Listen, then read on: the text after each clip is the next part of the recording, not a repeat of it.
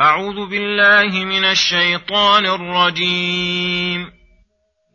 وزكريا إذ نادى ربه رب لا تذرني فردا وأنت خير الوارثين. فاستجبنا له ووهبنا له يحيى وأصلحنا له زوجه إنهم كانوا يسارعون في الخيرات ويدعوننا رغبا ورهبا وكانوا لنا خاشعين والتي أحصنت فرجها فنفخنا فيها من روحنا وجعلناها وابنها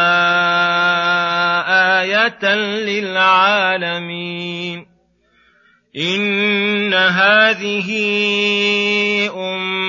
أمتكم أمة واحدة وأنا ربكم فاعبدون وتقطعوا أمرهم بينهم كل إلينا راجعون فمن يعمل من الصالحات وهو مؤمن فلا كفران لسعيه وإنا له كاتبون.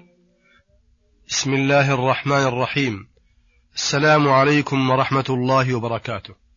يقول الله سبحانه وزكريا إذ نادى ربه رب لا تذرني فردا وأنت خير الوارثين. أي واذكر عبدنا ورسولنا زكريا منوها بذكره ناشرا لمناقبه وفضائله التي من جملتها هذه المنقبة العظيمة المتضمنة لنصحه الخلق ورحمة الله إياه وأنه نادى ربه رب لا تذرني فردا أي قال رب إني وهن العظم مني واشتعل الرأس شيبا ولم أكن بدعائك رب شقيا وإني خفت الموالي من ورائي وكانت امرأتي عاقرا فهب لي من لدنك وليا يرثني ويرث من آل يعقوب واجعله رب رضيا. من هذه الآيات علمنا أن قوله رب لا تذرني فردا أنه لما تقارب أجله خاف ألا يقوم أحد بعده مقامه في الدعوة إلى الله والنصح لعباد الله وأن يكون في وقته فردا. ولا يخلف من يشفعه ويعينه على ما قام به وأنك خير الوارثين أي خير الباقين وخير من خلفني بخير وأنت أرحم بعبادك مني. ولكني أريد ما يطمئن, يطمئن به قلبي وتسكن له نفسي ويجري في موازيني ثوابه. فاستجبنا له ووهبنا له يحيى النبي الكريم الذي لم يجعل الله له من قبل سميا. وأصلحنا له زوجة بعدما كانت عاقرة لا يصلح رحمها للولادة فأصلح الله رحمها للحمل لأجل نبيه زكريا. وهذا من فوائد الجليس والقرين الصالح أنه مبارك على قرينه فصار يحيى مشتركا بين الوالدين. ولما ذكر هؤلاء الأنبياء والمرسلين كلا على انفراده أثنى عليهم عموما فقال إنهم كانوا يسارعون في الخيرات أي يبادرون إليها ويفعلونها في أوقاتها الفاضلة ويكملونها على الوجه اللائق الذي ينبغي ولا يتركون فضيلة يقدرون عليها إلا انتهزوا الفرصة فيها. ويدعوننا رغبا ورهبا أي يسألوننا الأمور المرغوبه فيها من مصالح الدنيا والآخرة ويتعوذون بنا من الأمور المرهوب منها. من مضار الدين من مضار الدين. وهم راغبون لا غافلون. وهم راغبون لا غافلون لاهون ولا مدلون. وكانوا لنا خاشعين أي خاضعين متذللين متضرعين. وهذا لكمال معرفتهم وهذا لكمال معرفتهم بربهم. ثم يقول سبحانه والتي أحصنت فرجها فنفخنا فيها من روحنا وجعلناها وابنها آية للعالمين.